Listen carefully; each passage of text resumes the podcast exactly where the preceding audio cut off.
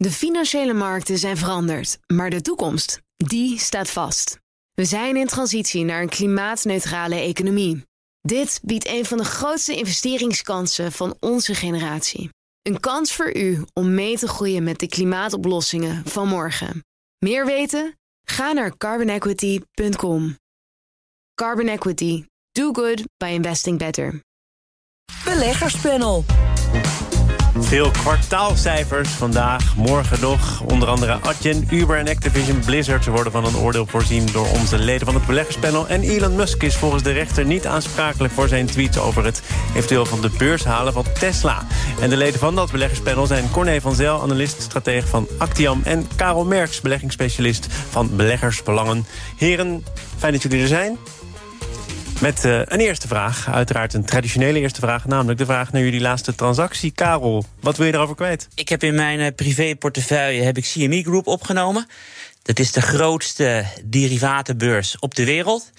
En de optievolumes zitten in de lift. Want vorige week uh, donderdag was het grootste optievolume aller tijden. Er zijn er in de Verenigde Staten 40 miljoen opties op één dag verhandeld. En ik denk uh, dat 2023 een jaar gaat worden waarin beleggers heel vaak van mening gaan veranderen. En als beleggers van mening veranderen, dan gaan ze juist posities innemen. En om een kleine lijst te geven, de Amerikaanse economie is aan het afkoelen. Tegelijkertijd is de grootste grondstoffenimporteur ter wereld, China, heeft COVID-zero-beleid afgeschaft. Het eerste is negatief, het tweede is, is positief, uiteraard. We zagen van de week met dat ballonnetje boven de Verenigde Staten dat de spanningen tussen China en de Verenigde Staten weer aan het toenemen zijn. Er zou een positieve of negatieve verrassing uit de Oekraïne kunnen komen. En we hebben natuurlijk ook nog de Bank of Japan, de Bank of England, de ECB en de Fed die allemaal de markt ook in beweging kunnen zetten. Lijstje. Oftewel 2023 gaat volatieler worden, net als in de afgelopen jaren. Dat betekent meer opties die verkocht worden, meer futures. even, we mogen van de luisteraar van het beleggerspanel heel veel verwachten. Maar je hebt het al gehad over een derivatenbeurs, het volume in opties. Even heel kort, wat doe je dan eigenlijk? Als je een optie uh, inneemt? Als je... Dan speculeer je met een hefboom op een stijging of een daling van de beurzen. En een hefboom betekent dus een klein beetje geleend geld, extra grote uitslagen. Dus daarom gaat het volatiel worden en heb ik privé wat CME Group gekocht. We gaan naar de spectaculaire laatste transactie van Corné. Ja, complete tegenovergestelde, dodelijk saai. um... Blijf luisteren, dames en heren. Ja, dat is no nooit een goede promotie. Dodelijk saai. Maar goed beleggen is saai beleggen. Dus uh, dat uh, adagium hou ik altijd maar vast. Nee, ik heb vandaag uh, wat winst genomen op onroerend goed ETF's, indexfondsen. Om de simpele reden dat er uh, A, een prachtige performance is van, 27, van 22 naar 29 euro. In degene die ik had. Um, en bovendien zie je dat de rente weer wat aan het stijgen is. Nou, dat zijn tegengestelde bewegingen. Dus de winst was minimaal. Maar ik dacht van, uh, met dit soort tegengestelde beweging betekent dat de toekomstige koers mogelijk lager kan zijn. En dus moet je winst nemen. Maar als jij zegt winst nemen, dan denk ik meteen van: wat doe je met het geld wat je nu over hebt? Gewoon cash laten staan en wachten tot betere kansen zijn. Je moet nooit te veel haast hebben en nooit uh, uh, investeringsdrang uh, willen hebben. Want dan gaat het meestal fout. We moeten het wel even hebben over de investeringsdrang van Alphabet, het moederbedrijf van Google. Want toen was daar Bart, de AI-chatbot van Google. Het antwoord, als het even mee zit, voor Alphabet op het immens populaire ChatGPT. Gisteravond zag het publiekelijk het levenslicht. Een kleine groep gebruikers gaat het nu testen. En uh, dat komt dan bovenop het nieuws dat. Uh, Alphabet een belang genomen heeft van 300 miljoen in het kunstmatige intelligentiebedrijf Anthropic. Dat dan weer een afsplitsing is van medewerkers die ooit werkten voor OpenAI van ChatGPT. Dames en heren, u bent er nog. Uh, laten we eerst maar even over Alphabet en Google praten. Um, kon Google Alphabet niet achterblijven, Corné? Nee, uh, de hele duidelijke nee, om de simpele reden dat dit uh, dat Google eigenlijk het bedrijf is wat het meeste last gaat krijgen van deze uh, enorme AI-ontwikkeling. simpelweg, je gaat straks niet meer naar Google toe om je zoekopdrachten in te vullen, maar je gaat naar een OpenAI. Of, sterker nog, je gaat. Microsoft is natuurlijk de grote sponsor achter OpenAI. Um, en die willen dat in hun eigen zoekmachine. Bing, de meeste mensen hebben daar niet van gehoord, tenzij ze er niet vanaf kunnen komen, omdat het voorgeprogrammeerd is op een PC. Uh, en als ChatGPT straks in Bing wordt ingevoerd, dan krijg je daar veel betere zoekopdrachten. En zal uh, Google in no time zijn uh, enorme marktmacht gaan verliezen. Dus zij moesten wel met een antwoord komen. Het was ook niet voor niks dat toen OpenAI naar, naar buiten kwam uh, met zijn ChatGPT, dat er bij Google code rood werd afgegeven. Want zij wisten dat dit de bedreiging voor Google was. Maar er werd achter de schermen al wel gewerkt, uiteraard, aan AI en hoe dat in te zetten. Ik geloof dat deze BART ook het resultaat is van twee jaar onderzoek. Het is niet zo dat ze gisteren iets hebben bedacht en maar snel het voor de leeuw hebben geworpen.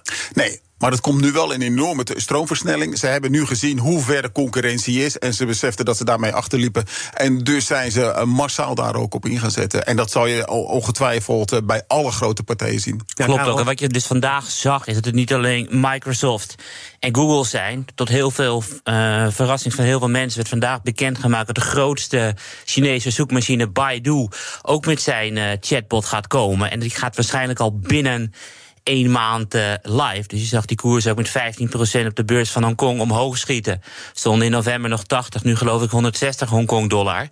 Nou ja, dan is de vraag van wie gaat er winnen? De Chinezen of een van de Amerikaanse maar er staat partijen? voor Google heel veel op het spel, zeker als je kijkt naar de huidige marktpositie. Hè. Er is toch eigenlijk in de westerse wereld geen alternatief serieus te nemen buiten de zoekmachine van Google. Klopt. Dan toch nog even in perspectief de 300 miljoen die Alphabet nu steekt in dat Anthropic dat is dan toch kattengespin. Dat gaat toch helemaal nergens over? Nee, ik denk ook meer dat het uh, een, iets, een techniek is die ze nodig hadden. Want ik bedoel, 300 miljoen is maar 1 eh, 33ste van de 10 miljard die Microsoft erin heeft gestopt. Maar Google is natuurlijk wel al jaren, zoals je net al zei, bezig met uh, kunstmatige intelligentie.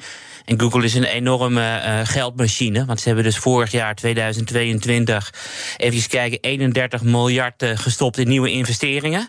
En da daarnaast hadden ze nog een keertje 60 miljard, waarvoor ze geen enkele bestemming hadden. Dus gewoon free cash flow. Dus ze hebben tientallen miljarden om de concurrentie aan te gaan. En vooral hier in Europa heeft Google bijna een marktaandeel van 100% Dus het is nog zeker niet te laat. En ik vind het wel heel erg. van Alphabet, het moederbedrijf, vielen toch een beetje tegen als je kijkt naar de omzetontwikkeling. Ja, klopt niet. Gelijk, het was niet alleen de, lager uit. Ja, het was niet alleen de omzet, inderdaad ook de marge en de winst kwamen allemaal lager uit. Maar het komt natuurlijk omdat Google ook een van de grootste adverteerders, uh, partijen op de wereld is. Waardoor een daling in advertentiekomsten meteen bij Google geraakt wordt. Dus ik denk niet dat het met elkaar uh, te maken heeft. Maar het wordt wel heel erg interessant.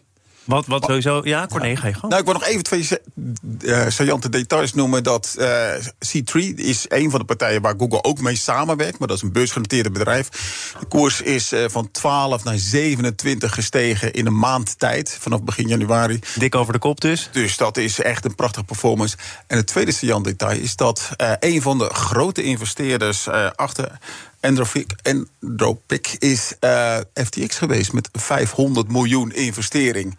Dus wellicht dat uh, degene die nog wat geld te goed hebben van FTX... wellicht nog een uitkering kunnen zien vanuit deze. Nee, maar het gaat echt heel groot worden. Want BuzzFeed, die website ken je wel... die heeft al zijn redacteuren ontslagen... omdat voortaan zo'n chatbot de artikelen gaat schrijven. En het aandeel is ook van 40 cent naar 4 dollar geknald. Dus we zijn weer echt in een heuse AI-boelmarkt beland. Maar komen jullie volgende week ook als ik hier niet meer zou staan? Als ik ontslagen word. Jij wordt niet ontslagen, want ik denk dat jij nog beter bent dan een AI. Oh, maar, nog beter? Uh, nog wel. Nog wel, maar, maar, de, maar de, hoe noem je dat, de social media berichten... of de samenvatting van deze uitzending... of gewoon interessante vragen die je ook aan ons zou kunnen stellen... kan je uiteraard een bot krijgen. Dus jij wordt er alleen maar beter van, Thomas. Ik wil het nog even hebben over wat voor de luisteraar van belang is. Namelijk die hypegevoeligheid van dit hele onderwerp. Je gaf net al aan, uh, koersontwikkeling dik, dik over de kop. In een maand tijd. Waar moet je nu voor waken als je belegger bent?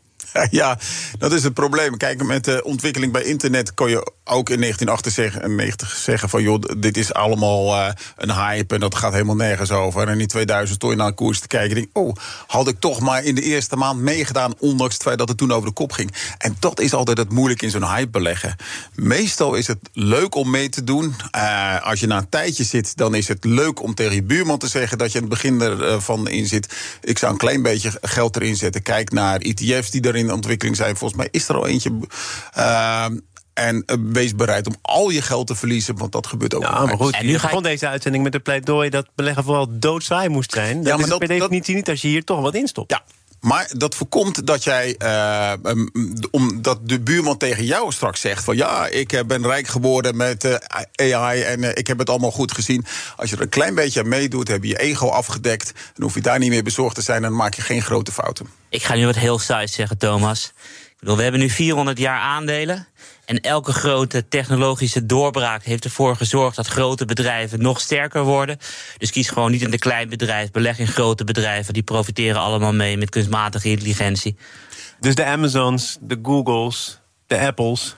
Eigenlijk de bedrijven die we net hebben besproken. Klopt. Uh, mis ik trouwens uh, Amazon dit hele Mag ik even een op de opmerking maken? Want daarmee loop je dus ook kans dat je dus in de Googles belegt... die straks gewoon uh, geen businessmodel meer heeft. Omdat alles bij de Kong... en omdat je niet meer in Google gaat zoeken... maar toch naar Bing gaan, want hun IA is beter. Klopt, en dan zit je dus ook in Microsoft. En als je dan kijkt naar de afgelopen honderden jaren... heb je gezien dat aandelen zo'n 7, 8, 9 procent per jaar oplopen. Dus je hebt de winnaars en je hebt de verliezers. Op het moment dat je goed genoeg gespreid zit, dan komt het goed. Dus ik zal niet al mijn eieren in. Uh, al mijn, alles op één ei inzetten. Eieren in. Eieren in het mandje, goed. We, ja, zoiets zoals ik. Ja, maar je wat ik bedoel, toch? van dit panel. Nee, maar daarom ben ik ook beter dan AI. Tweede deel. BNR Nieuwsradio. Zaken doen. Thomas van Zeil. En andere van Zel is er ook Corné en Karel Merks, eh, de leden van het beleggerspanel. Gisteravond kwamen de kwartaalcijfers naar buiten van Activision Blizzard. Later deze week ook Argen en Uber. Net op tijd om eh, vooruit te blikken en in het geval van Activision Blizzard na te beschouwen. Karel, Activision Blizzard, volgens mij een hoger dan de voorspelde winst. Omzet bleef een beetje achter. Wat is jouw oordeel? Ja, mijn oordeel is: het gaat maar om één ding. En dat is of de overname van Microsoft doorgaat. En Microsoft zei van uh, we gaan Activision Blizzard overnemen voor 95 dollar per aandeel. Het is er nooit gekomen, want het zit al één jaar tussen de 70 en 80. En mensen denken dat de mededingingsautoriteiten wel eens moeilijk zouden kunnen doen. Dat zie je toch al gebeuren? Ja, klopt. Het gaat vooral om Call of Duty, een van de populairste spellen wereldwijd. Komt op heel veel verschillende consoles uit. En ze zijn bang in Europa dat we gaan zeggen van ja, Call of Duty mag alleen nog maar op de Xbox van Microsoft worden uitgegeven. Microsoft uiteraard al heeft gezegd, dat zijn wij zeker niet van plan. Dat is onze strategie helemaal niet. Nee, dat klopt. Dus het is een beetje afwachten. En ik vind het behoorlijk riskant. En ik vind het altijd leuk om met beleggen een onbeperkte winst te hebben. Nee, dat vind ik ook leuk. Klopt. Alleen dat is het niet. Want het aandeel zal voor 95%, 95 dollar van de beurs gaan. Ja, en het aandeel is best wel hoog gewaardeerd. Dus ik bedoel, ik doe er zelf niks mee. Maar ik vind het wel interessant om te volgen. Want volgens mij hebben de mededingingsautoriteiten de afgelopen jaren best wel grote fouten gemaakt. Door bijvoorbeeld uh, double-click te laten worden overgenomen door Google. Facebook nam natuurlijk WhatsApp en Instagram over. Door Ze zijn wakker geworden en zijn wakker geworden. betaalt daar misschien de prijs voor. Klopt. Is dat zo, Corné? Ja, dat is zo. Uh, maar daar gaat de beurs ook al vanuit. Op 71 dollar, uh, de koers nu, 95 dollar overname. Gaat niemand er eigenlijk ook vanuit. Als ik alle analistenrapporten zie je dat ook. Dat niemand van de overname uitgaat. Ook de Europese Unie heeft er kritiek op. De Engelse autoriteiten hebben er kritiek op. En natuurlijk vooral in de Verenigde Staten. Dus deze deal gaat, zeg nooit nooit, maar zo goed als niet door. Uh, het grappige is dat wel Warren Buffett een heel groot belang in Activision Blizzard heeft. Maar die heeft het vooral vanwege zijn fundamentele kwaliteiten. Hij zegt: niemand kan zonder die spellen. En iedereen wil de volgende keer weer het nieuwe de versie van het spel hebben. En die duurt, het staat 17 keer de verwachte winst. Dus ik vind dat persoonlijk nogal meevallen. Ik, uh, ik heb niet zoveel met spelletjes. Maar 17 keer de winst zeg ik van, ach, het, uh, dat, dat is niet eens zo belachelijk. Voor zoiets waar een hoop mensen niet zonder kunnen. Hoeveel heb je met Arjen? We moeten tempo maken. Ja. Arjen, uh, ja, prachtig. Uh, je zag alle tech ontslagen. Zij hebben 400 mensen aangenomen de afgelopen half jaar. Dat gaat waarschijnlijk wel de marges wat drukken. En die zijn ook toren, torenhoog. 63% bruto marge. Dus dat is heel erg extreem. Maar als je zoveel mensen eh, hebt en dat, dat je voornaamste kosten zijn, betekent dat ook samen met die loonstijging dat dat waarschijnlijk de marges wat zal drukken. En besef ook dat consumentenverkoop onder druk zal komen. En uiteindelijk is dat toch wel de basis waar de. Uh, dat betekent minder transacties, dus ook uh, minder, handel voor Adyen. Nou, laat ik zo zeggen, minder groei van transacties. Want Adyen groeit binnen die markt nog steeds heel erg hard. En hoe duur is het aandeel? Nee, niet uit je hoofd hoor, maar 60, het is, toch, het is toch prijzig? Ja, ik dacht 60 keer de verwachte winst. Ja, even als je dat dan zegt, hè, als je dat afzet tegen die 17 die je net noemde... en had je een 60 keer de winst... Ja, maar uh, kijk, Activision Blizzard heeft afgelopen jaren ongelooflijk veel moeite gehad om wel te groeien. Uh, het is vooral een stabiele uh, inkomstenbron. En AJ moet het vooral van die extreme groei hebben. En het is terecht dat ze veel hoger gewaardeerd zijn.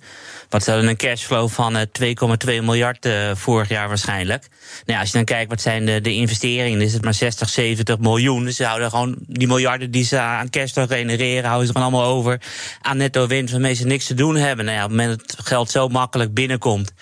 En je hebt echt honderden miljarden transacties per half jaar.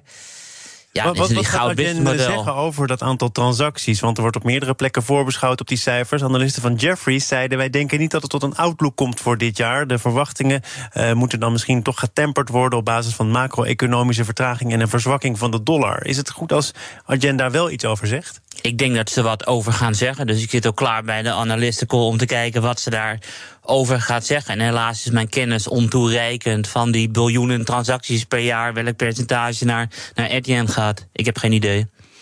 Waar we allemaal iets van uh, moeten of kunnen zeggen, dat is uh, Twittergedrag van Elon Musk. De jury in San Francisco heeft vrijdag bepaald dat Elon Musk niet verantwoordelijk is voor de verliezen van zijn investeerders. Nadat hij in 2018 tweette dat hij het autobedrijf Tesla van de beurs zou halen. Althans, dat zou overwegen. En dat is belangrijk omdat de advocaat van Musk zegt: ja, dat is uh, niet te weerleggen. Misschien overwoogt hij het inderdaad. wordt er dan te veel waarde gehecht aan zo'n tweet van Musk, Corné? Nou ja, ja, dat blijkt wel, want de koers ging erop eh, flink omhoog. En een hoop beleggers, die, die koers gaat niet voor niks omhoog. Er zijn dus mensen die dan gaan kopen en dus tegen een hoge koers gekocht hebben. En ik moet zeggen, uh, die tweet gaf vrij duidelijk aan dat hij met een overname eh, bezig was. En dat was. is heel fout. En het dat is heel fout. Heel fout. Dus, ik bedoel, wat, wat zei hij dus, uh, Corné en Thomas? Hij zei 420. En wat is 420? 420 correspondeert met 20 april. En dat is dus de nationale cannabisdag in de Verenigde Staten, waarbij ze allemaal gaan blowen. Om dat nog even te onderbouwen, ging je ook in die maand ging je naar Joe Rogan toe, de grootste podcast ter wereld. En ging je samen met Joe Rogan live in de uitzending lopen blowen. En dan zeg je dus in de rechtszaak, het is puur toevallig dat ik daar liep te blowen, dat 24 cannabisdag is en dat ik 24 zei overname. En tegelijkertijd had Tesla toen financiële problemen, waren de margin calls, et cetera. Dus ik geloof er helemaal niks van. Jij kan er niks van geloven, maar hij gaat vrij uit.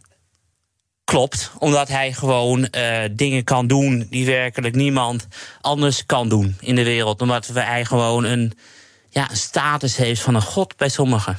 Maar in principe hoort de rechtbank voor iedereen gelijk te zijn. Dus ook het rechtssysteem hoort voor iedereen gelijk te zijn. En wat mij opvalt is dat normaal gesproken het rechtssysteem kiest voor de kleinere belegger. En in dit geval uh, dus juist niet. En dat vond ik wel opmerkelijk. Maar het is nog niet afgelopen. Maar die, die, die kleinere belegger, nog heel eventjes om het toch te schetsen. Zijn dat nou uh, mensen die hem echt op zijn woord geloofden? Of zijn dat uh, opportune schatzoekers?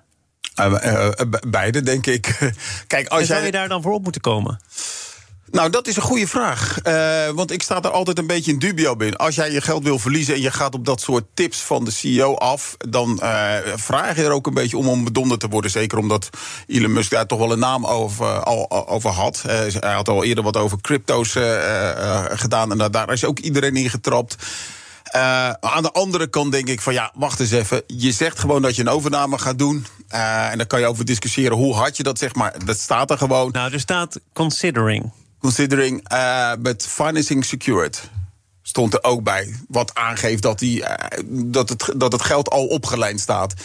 Nou, dat beschouw ik toch wel als een. Ik ga een over, er komt een overnamebod. Nou ja, en als je dat op die manier zegt, zou ik zeggen daarmee ben je liable uh, voor die. Uh, ja, mee eens. Maar je ziet ook redelijk dat, dat het grote geld wel beschermd wordt. Want jij weet ook, Corné, vorig jaar hadden we natuurlijk de nikkelbeurs in, uh, in Londen. De nikkelprijs.